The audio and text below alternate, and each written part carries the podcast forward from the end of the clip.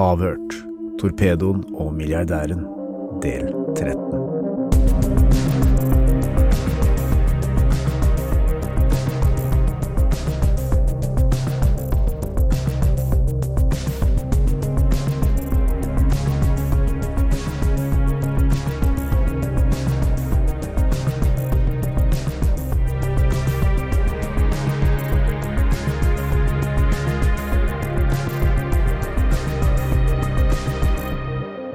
Ja, da er vi tilbake til eh, serien om torpedoen og milliardæren. Historien som aldri slutter, gutter. Episode nummer 13. Men vi har jo kommet over noen nye opplysninger, funnet noen nye kilder som vi skal snakke om i de to neste episodene. Men aller først så tenker jeg kanskje, Lars, at vi trenger å ta en kjapp oppsummering av den saken, for det er jo lenge siden nå at vi ga ut noe i denne serien. For folk flest så starta jo dette her med et VG-oppslag i eh, 2017.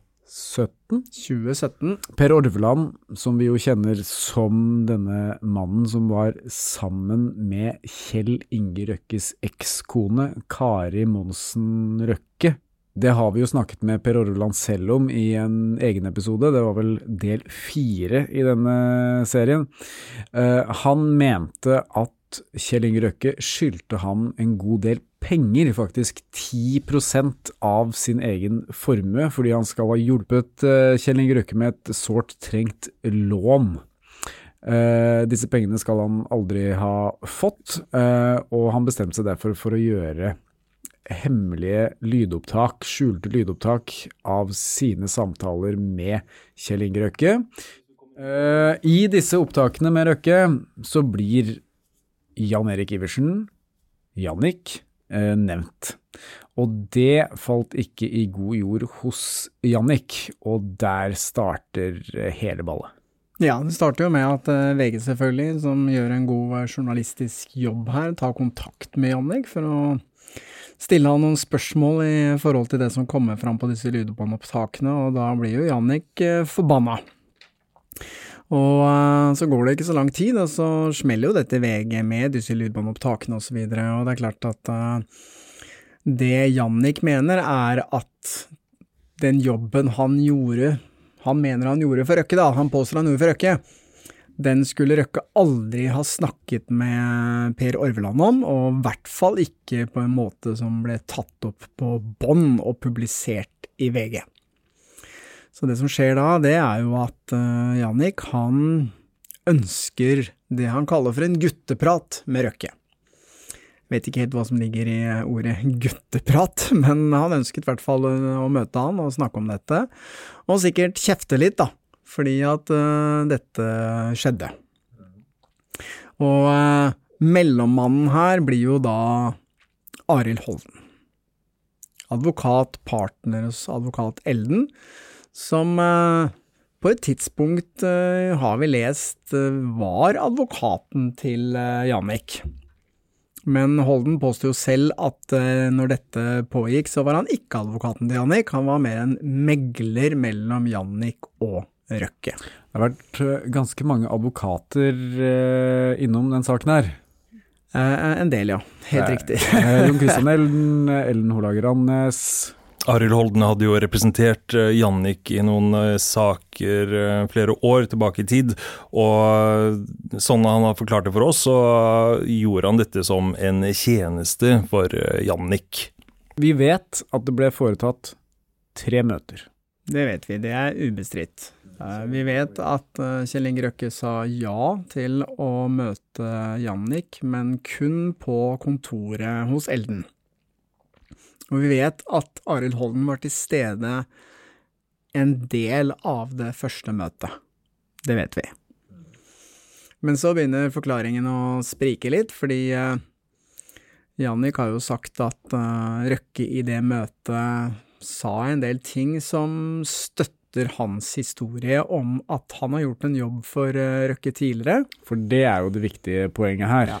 Noe Røkke benektet i retten. Mm. Han sa jo at han aldri hadde betalt Jannik en krone. Mm, han sa vel nesten at han ikke kjente Jannik, mens i Jannik sin versjon av historien så har jo de eh, vært bekjente i mange år, eh, fordi Jannik og hans eh, familie var eh, venner med eh, Kjell Inges ekskone Kari. Ja, det er riktig. De, uh, Jannik hadde jo et tett forhold til uh, Kari Monsen Røkke gjennom mange år, og barna til Kjell Inge Røkke for så vidt også. Barna skal ha kalt Jannik for onkel Jannik. Ja. Men det er klart, uh, det er jo lite dokumentasjon her. Vi har lydbåndopptak, det har vi. Det har vi jo støtta på oss på i denne serien. Vi har støttet oss på forklaringene til enkelte personer som har vært i nærheten og kan bekrefte litt pengeoverlevering og sånn. Det har vi gjort.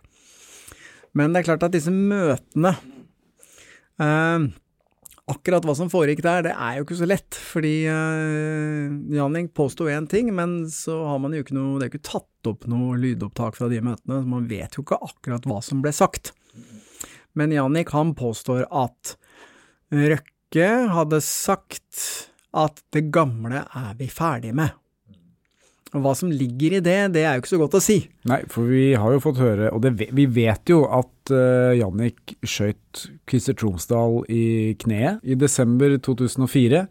Uh, dette hevder Jannik var på oppdrag uh, fra Røkke, i hvert fall et oppdrag han hadde fått tidligere om å fjerne Christer Tromsdal, endte med at han skøyt han i kneet.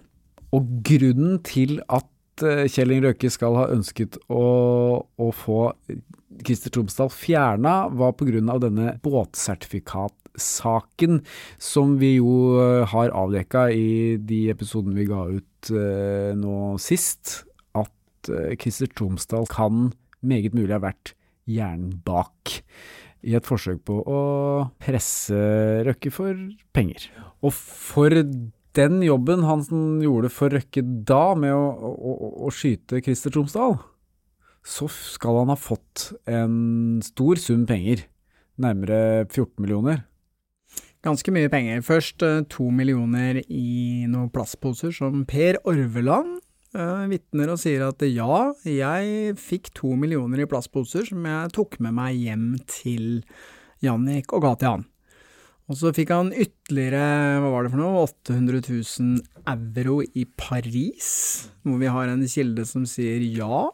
Men vi har også da snakket med en, en kilde som sier at uh, han så ikke pengeoverleveringen mellom uh, denne fyren til Røkke og Jannik, men han fikk disse pengene av Jannik rett i etterkant, som han tok med seg til Norge for Jannik. Og så dro Jannik til Saint-Tropez hvor han mottok ytterligere en del penger. Og han skal også ha gjort flere ting for Røkke.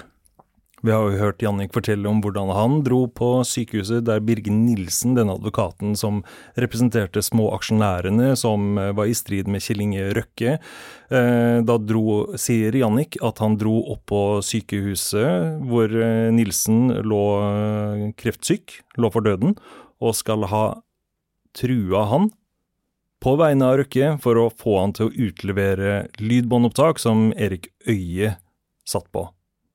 Birger Nilsen var jo altså advokaten til Erik Øie. Jannik påstår at han har gjort eh, ganske mye for, uh, for Røkke, og spørsmålet er hva ligger da i det utsagnet hvis det stemmer det gamle er vi ferdig med. Åpenbart så har det vært et eller annet forhold mellom dem som de nå er ferdig med, og det igjen strider jo litt ikke, altså, Røkke sier ikke retten at han ikke har hatt noe med Jannik å gjøre, men han sier at han aldri har betalt han noe penger, det sier han.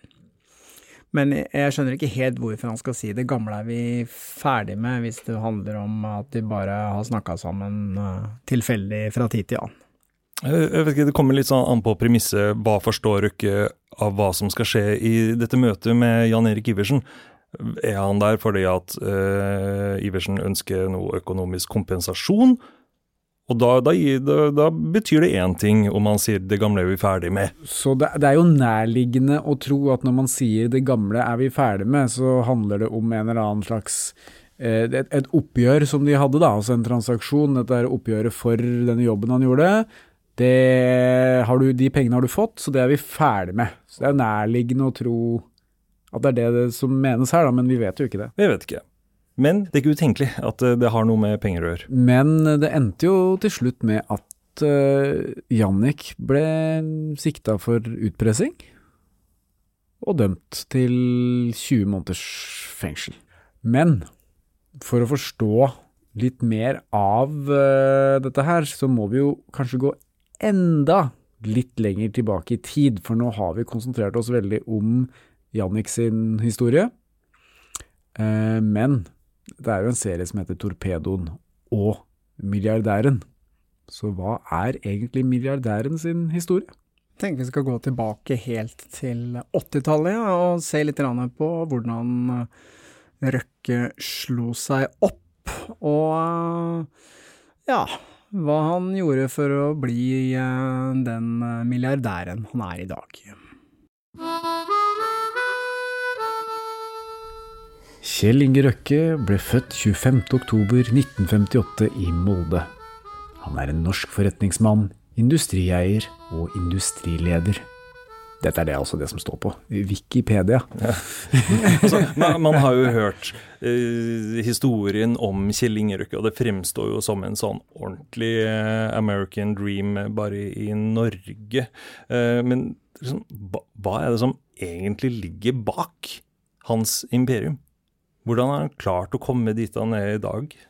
Sånn Ut fra det vi vet, så droppa han vel ut av skolen? Nei, det hevdes jo at han var litt sånn eh, rabagast og fant på mye greier. Og han dro jo ut for å fiske, rett og slett, på en lokal båt i Molde. Eh, men etter en liten stund, etter noen år, så, så dro han rett og slett til eh, USA, til Seattle. Og nå trenger vi litt musikk igjen her, syns jeg.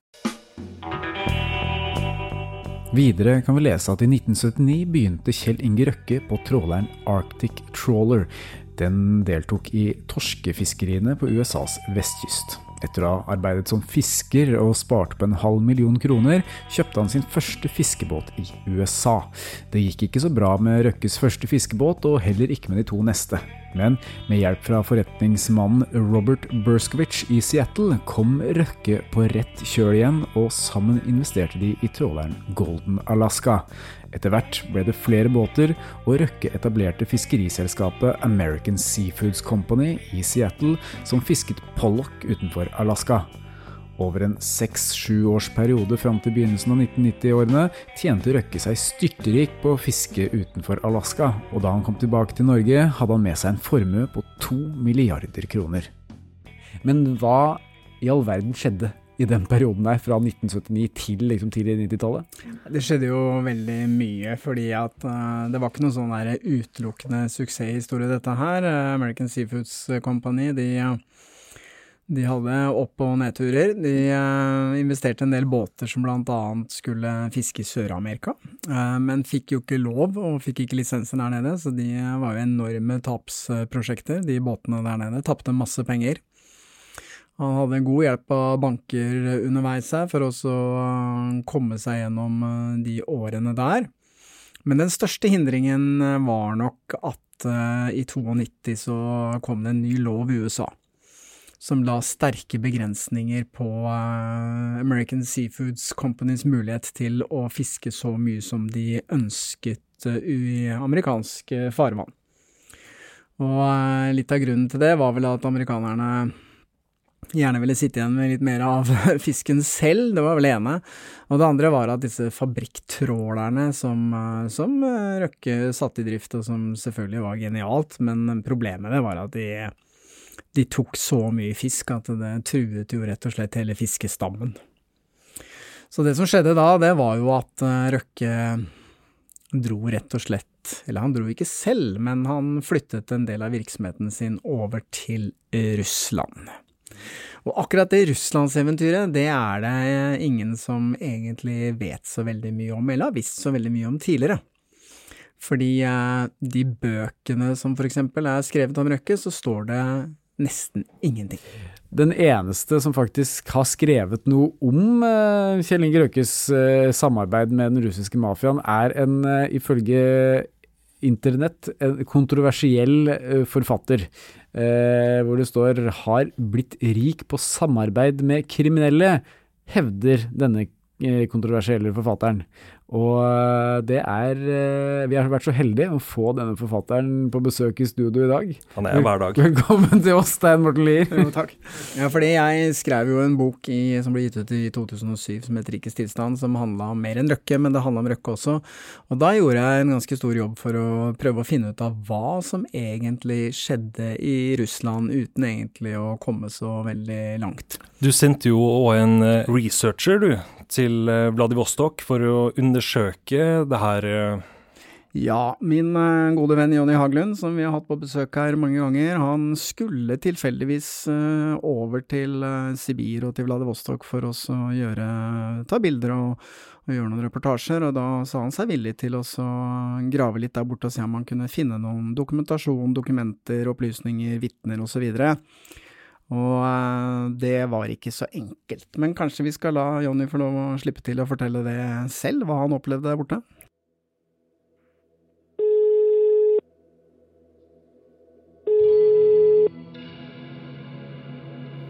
Jonny, du er jo fotojournalist som er vant til å reise verden rundt, og du dro jo til Vladivostok for å gjøre litt research for Stein Morten. Hva, hva fant du egentlig ut av?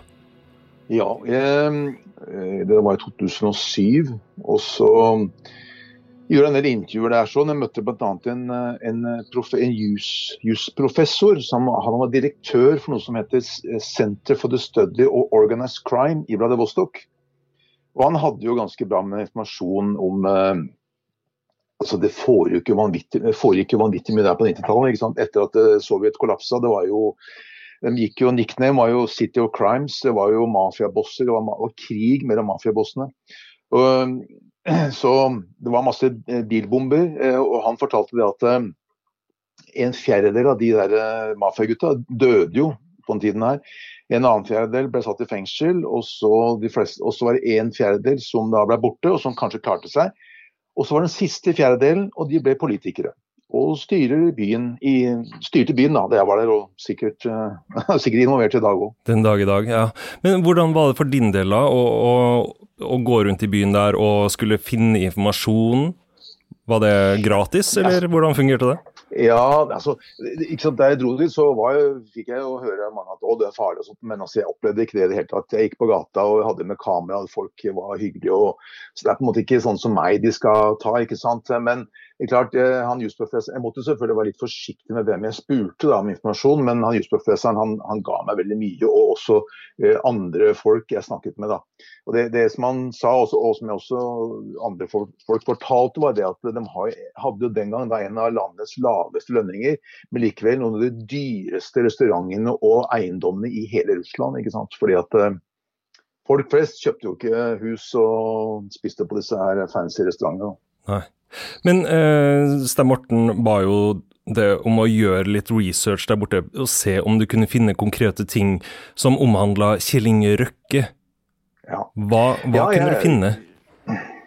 Altså, Jeg fant jo ikke noe på hans sitt navn, men han fortalte meg han jusprofessoren at det var da den gang, etter kollapsen, så var det da tre, tre grupper du kunne liksom være med. da. Det var Enten var det at du eh, joina liksom sammen med mafiaen eh, og samarbeide med dem. Og så måtte du da selvfølgelig gi dem en del av kaka, og da kunne du eh, få kjøpt opp eh, liksom, trua til deg ting som var eh, verdt, som etter hvert ble verdt veldig mye penger. Eller hvis du hadde mye penger selv, kunne du starte på en, måte en egen mafiagruppe og så true til ting. Eller var tredje option det var at du da samarbeidet med politiet. Og da ga de også en del eh, penger. Og jeg husker han fortalte den gang at eh, politietaten, altså de litt øverste gutta i politiet i Vladivostok, de hadde de feteste, flotteste villaene langs kysten her. Sånn. Så, men jeg fant ikke noe direkte på han. Men han fortalte det at det var flere velstående utlendinger som var involvert i dette her. sånn. Eh, og han, han, sa også at han hadde, altså ble, han hadde blitt fortalt at det, også nordmenn men han hadde ikke noe navn på det. Så jeg fant ikke noe konkret om eh, den rike fiskeren fra Norge.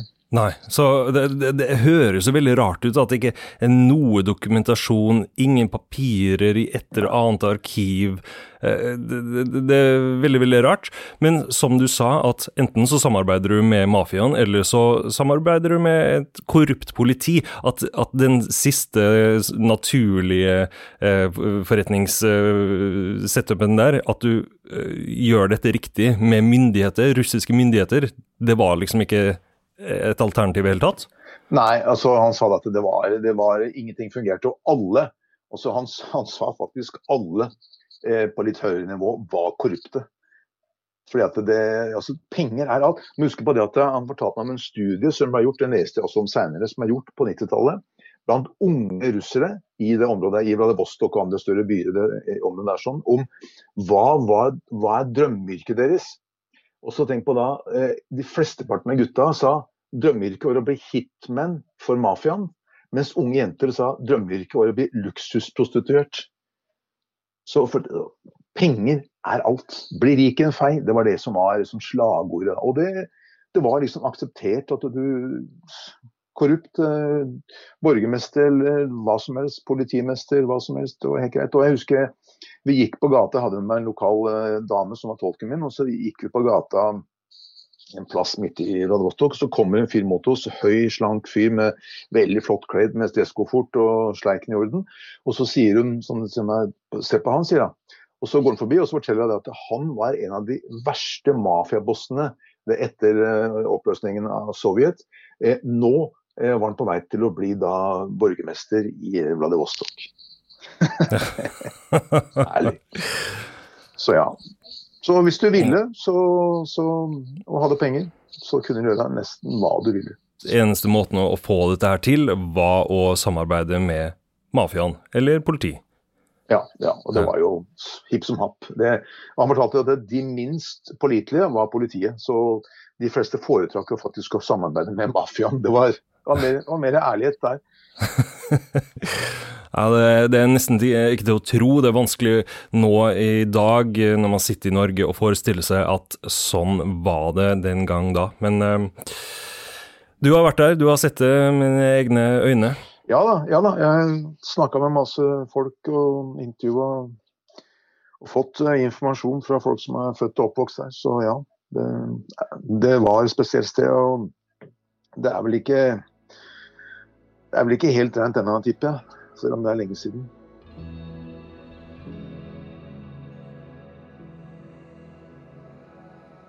Ja, Det er jo interessant å høre fra en som har vært der og snakka med folk som har levd i dette systemet her. Men Stein Morten, du har jo eh, forska en del på det her. og hvordan, hvordan, kunne det bli sånn som det her borte i Russland? Litt viktig å være klar over at uh, dette er godt kjent, at da Sovjetunionen kollapset desember 1991 var det vel, og fra 92 og framover så, så blei det jo en sånn type gangsterøkonomi i uh, Russland. Det var jo Vill Vest og cowboytilstander, og disse oligarkene robba til seg det som var av verdier i landet, og mafiaen i Russland, den, hadde, den var sterk, altså og den dominerte i veldig mange byer, og det er et faktum, og det har vært skrevet masse om, at uh, Vladivostok var styrt av den russiske mafiaen. De hadde full kontroll på hele byen, på havna, på fiske, på det meste, og uh, det å reise dit da, sånn som uh, Røkkes utsendte medarbeidere gjorde, og etablere seg der og få lov til å se fiske ut ifra Russland fordi amerikanske myndigheter sa nei, det stiller jo en del spørsmål om hvordan du har fått til det. Fordi alle vet jo det at uh, når mafiaen kontrollerer absolutt alt, så, så, kan du ikke bare komme med båtene dine dit og begynne å fiske i russiske farvann uten å gjøre en eller annen form for avtale.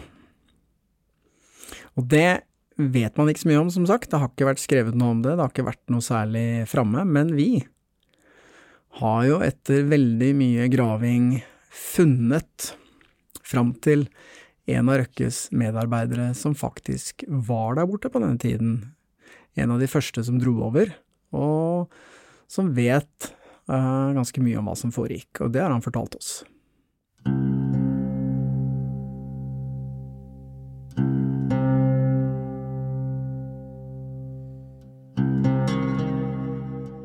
Kan du fortelle litt om hvilken historikk du har med Kjell Inge Røkke? Jeg traff Røkke for godt over 30 år siden. Da var vi på tråling begge to. Han var uh, trålbas. Jeg fikk jo beskjeder av han om alt mulig rart jeg skulle gjøre. Jeg tok f.eks. med meg to paller med mat og to Mercedeser. Kjørte dem ned og satte på kjølerommet, men passa på å ikke sette på noe kulde. Og så satt vi to store Mercedeser her nede, da. Altså, jeg, jeg var en skurk, jeg òg, da. Uh, hjalp Kjell Inge med det jeg kunne, jeg. Han sier liksom at eh, hvis du greier dette her og får til det, så skal du få det, og, men, men, da trenger jeg to biler og ja. Men jeg skjønner ikke helt, hva var det du skulle få til? Det var kvoter, da. 15 båter i Alaska, i Russland, ja, så kvoter. Ok, så Røkke skulle flytte virksomheten sin til Russland, til Vladivostok?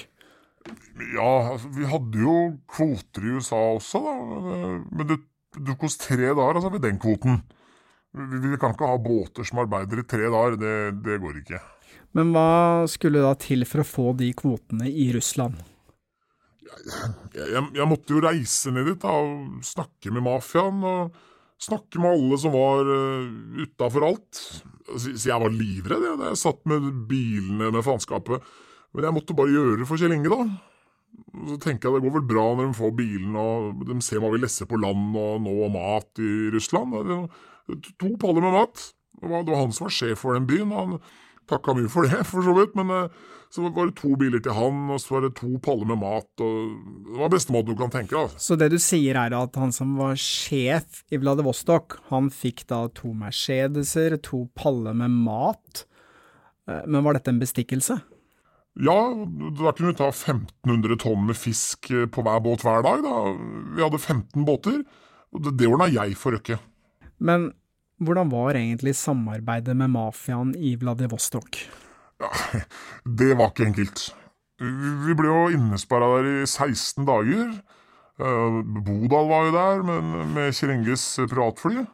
Um, da det kom ned på rullebanen, så traff det et eller annet med hjulet. Så vi ble liggende der i 16 dager og vente på delene. Og det var mafiaen, vet du, fordi de, de ville ha 100 dollar per dag. Det kosta vel 4-5 dollar for å bo der, men de skal ha ekstra penger, og vi var 16 stykker, da. Men uh, hvordan var egentlig denne avtalen med mafiaen? Jeg, jeg, måtte gå til mafiaen og si til han som var sjef. Hvor mye skulle du ha for at vi kan få fly ut? Ja, han skal ha 10 000 dollar da, for at vi skulle få fly ut. Fikk ikke lov til å forlate Vladivostok før vi hadde betalt, eh, og dette var noe de trua Røkke med. Hvis ikke de fikk betalt, så ville de ikke hjelpe til. Dessuten så trengte vi hjelp av en båt med atomkraft da, for å bryte gjennom tre meter med is. Eh, vi måtte betale 50 000-60 000 dollar for at de skulle lage løype ut for oss. Da kjørte de fram og tilbake, og da, da kom, kom, vi oss ut til slutt. For tre meter is, det hadde vi ikke klart med båten vår. altså. Men du reiste også over med en del penger til mafiaen, kan du fortelle om det? Ja, det er jo mesteparten penger. Jeg, jeg fikk to Mercedeser med meg. Jeg veit ikke hva som lå i de plastposene, jeg, jeg, jeg telte det ikke. Men, men, det var bare penger. Det, det var mye penger, kontanter. Jeg, jeg, kan tenke meg, når jeg ser 100 dollarsedler, da, si, si 300 000-400 000 dollar men, men, men det tjente Røkke på ti minutter. Det, det var ren bestikkelse. Jeg, jeg smugla det gjennom alt. Ingenting ble deklarert med noen myndigheter. Det ble frakta om bord i båten, og, og jeg hadde det oppi. Da, da, hvis, hvis, båten går ned, så er det noen kasser oppe som utløser seg, og den blir til flåter. Hvis du går ned med en så svær båt så Røkke var ikke kjip, han kjøpte de beste båtene. Han kjørte på hele veien og skulle ha de kvotene, samme hva det koster. Du må huske på det, når du har 15 båter, du kan jo bare gange det med 15. Det er så mye penger at du ikke vet hva det er. Men hvor lenge var du i Vladivostok og jobbet for Røkke? Jeg, jeg, jeg var der i seks år cirka. Seks år. Hvordan var da samarbeidet med mafiaen i de årene? Kjell Inge var ikke der. Han, han var ikke der. Det var bare oss. Det var 16 stykker. Men det var jeg som ble hengende der. Liksom, ta imot de og pengene der, ta imot de pengene til ditten og datten. Plastpose med penger. Kan du ikke legge inn annet enn fuckings plastposer, da, sa jeg til henne. Det, det ser så dumt ut. Komme fullt av tusenlapper i en pose, sa jeg. Kan du ikke få tak i en koffert, sa jeg til Kjell Inge. Og det han gjorde da, var å ta to ekstra poser over dem. Ja, ok, men hvor mange poser leverte du da til mafiaen, husker du det? Det har vært seks-sju poser, da, i tillegg til de to Mercedesene og mat Fridor, og det var det de skulle ha betalt for de kvotene. Og i de posene så var det dollar. Ja. Men hvordan var disse møtene med den russiske mafiaen? Det var veldig ekkelt. Jeg, jeg, jeg likte det ikke i det hele tatt. Du, du visste ikke om du skulle bli skutt eller Ikke sant?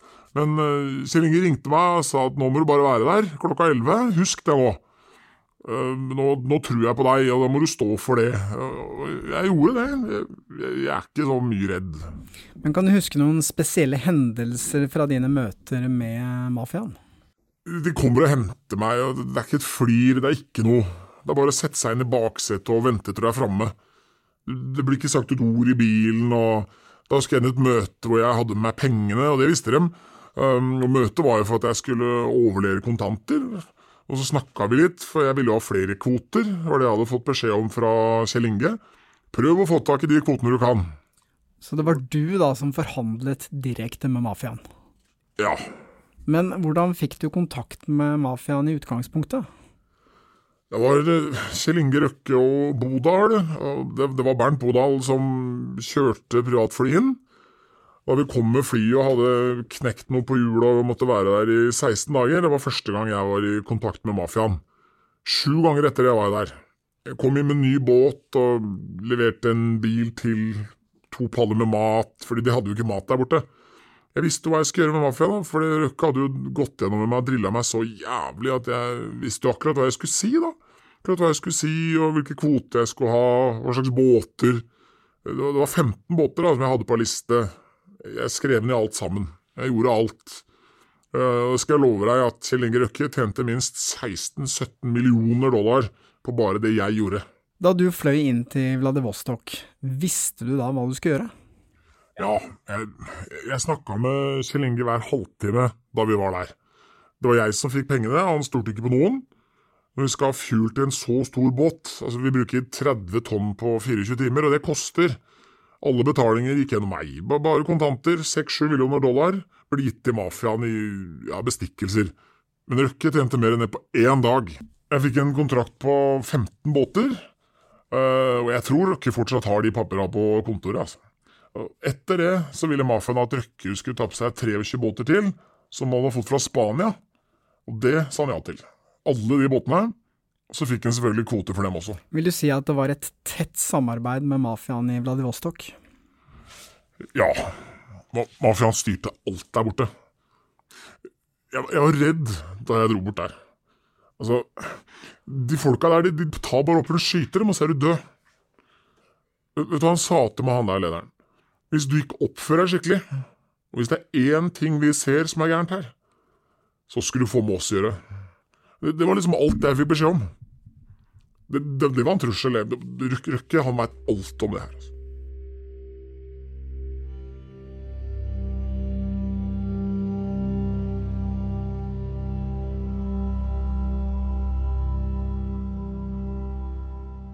Men du, det er en ting jeg lurer på, jeg må jo bare spørre, for jeg har hørt rykter om at uh, det var ikke bare fisk som ble fraktet på disse båtene fra Sør-Amerika til USA. Vet du noe om det? Ja, ja, ja, ja jeg veit det.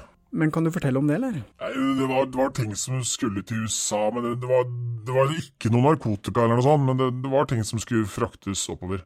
Men hvordan kan du vite helt sikkert at det ikke var narkotika? Nei, det, det tror jeg aldri Kjell Inge ville gjort. Altså, det var bildeler og alt mulig, men jeg, jeg kikka aldri opp på de kassene, altså.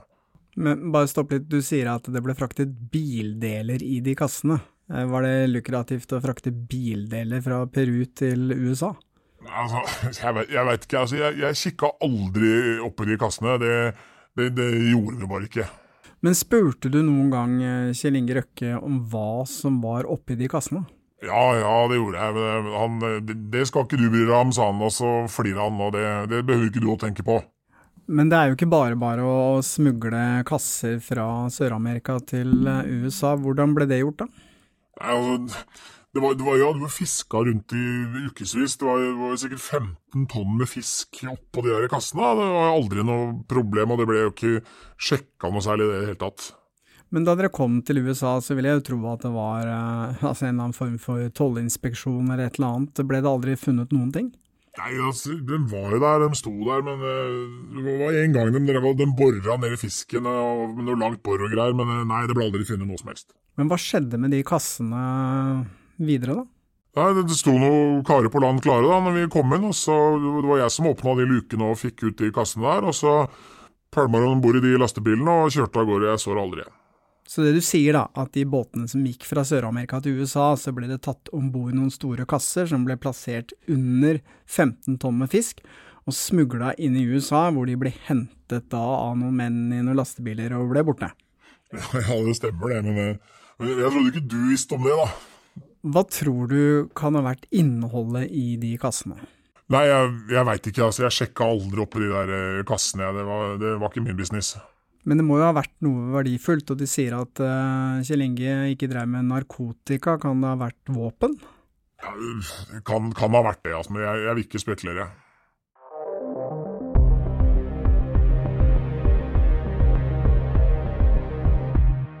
Ja, Det som slår meg litt her, er jo at uh, det handler jo om uh, store penger, store summer, som blir overlevert til mafiaen i Vladivostok, sammen med litt biler og paller med mat, for å få lov til å fiske. Og det der med å få penger i plastposer, Helge, det har vi jo hørt om før. Det har vi hørt om før. Det var det Per Orveland frakta pengene i, direkte fra Kjell Inge Røkkes kontor, ifølge Per Orveland, og opp i leiligheten til eh, Jannik. Så det, det er en merkelig tilfeldighet eh, i så fall. Eller var dette liksom eh, vanlig modus? Er det plastikkposer du bruker for å uh, overlevere penger? Doble plastikkposer, faktisk. vi, vi, hørte jo uh, denne mannen som var inne her, han fortalte han, han hadde spurt Røkke kan jeg ikke heller få en koffert. Det ser så dumt ut å komme med i plastikkpose. Og da hadde han da fått en dobbel plastikkpose istedenfor, så han ikke skulle se disse dollarene gjennom, gjennom plasten.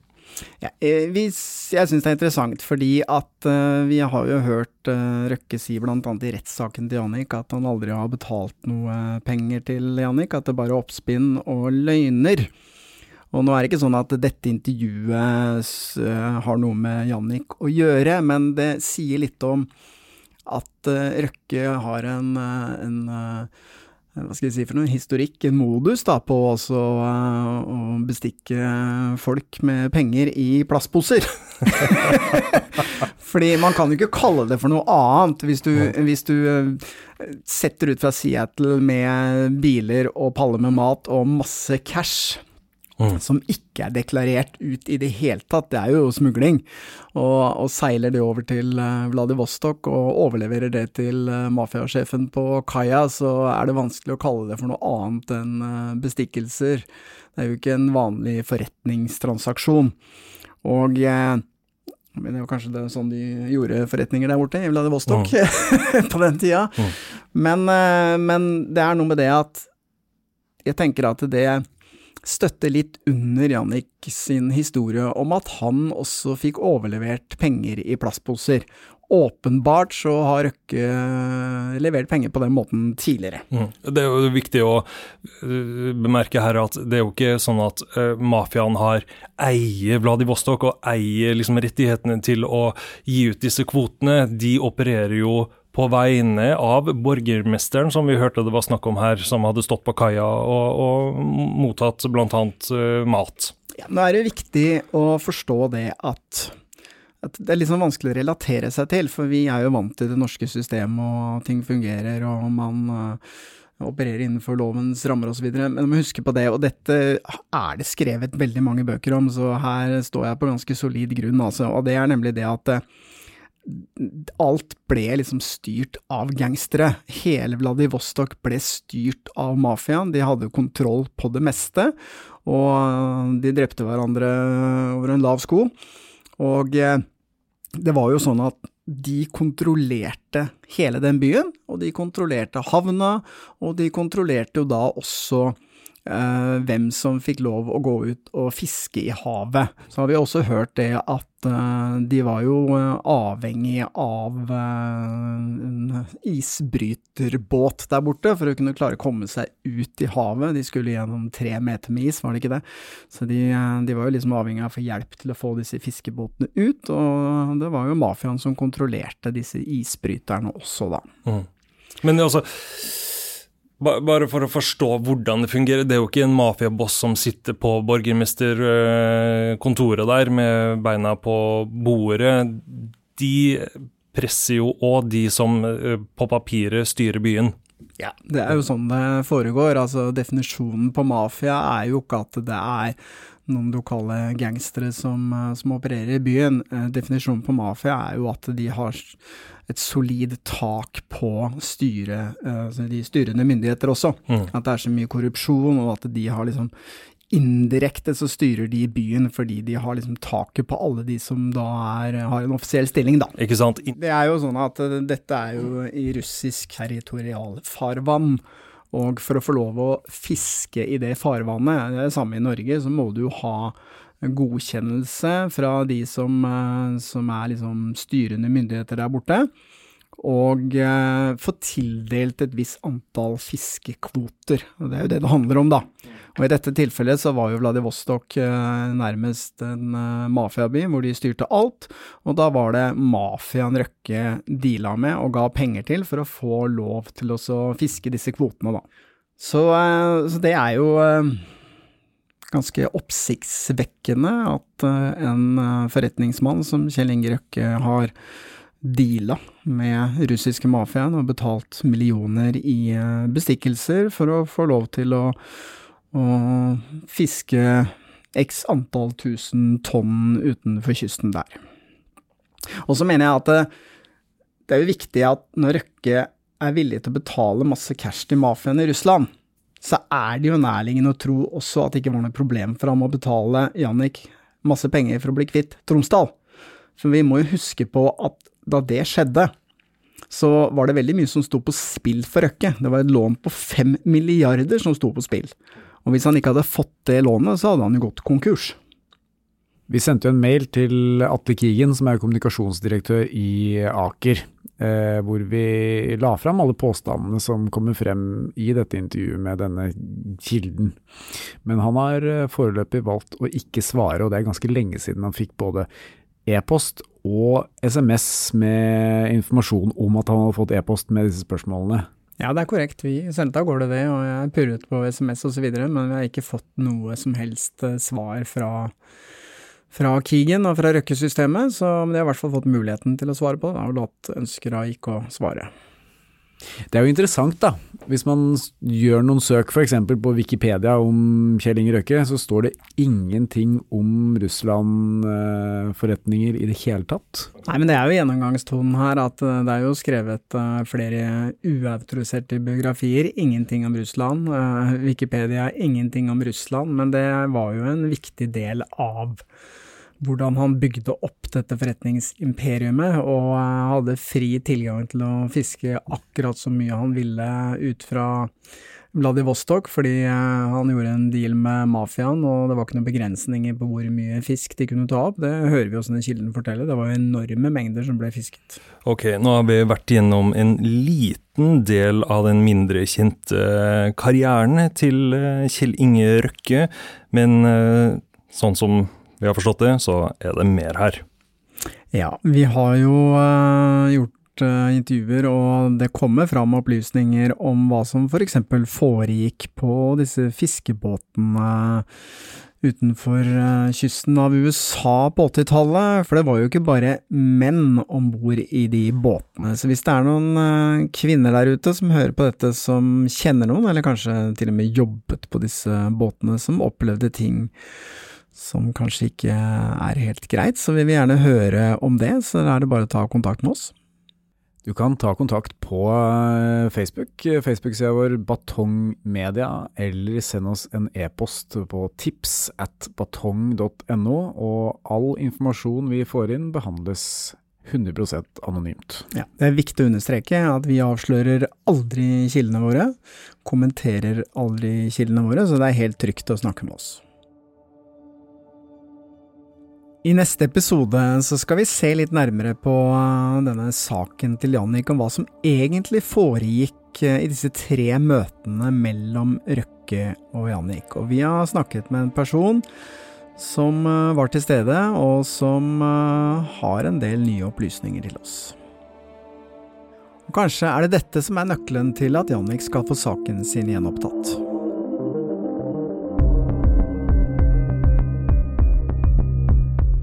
Avhørt er produsert av Batong Media. Redaksjonen består av Stein Morten Lier, Helge Molvær og Lars Christian Nygårdstrand. Temamusikken vår er laget av Altered States, og du finner oss på Facebook som Batong Media. Hør eksklusive episoder av Avhørt på Podme. Gå inn på podme.com, eller last ned appen Podme.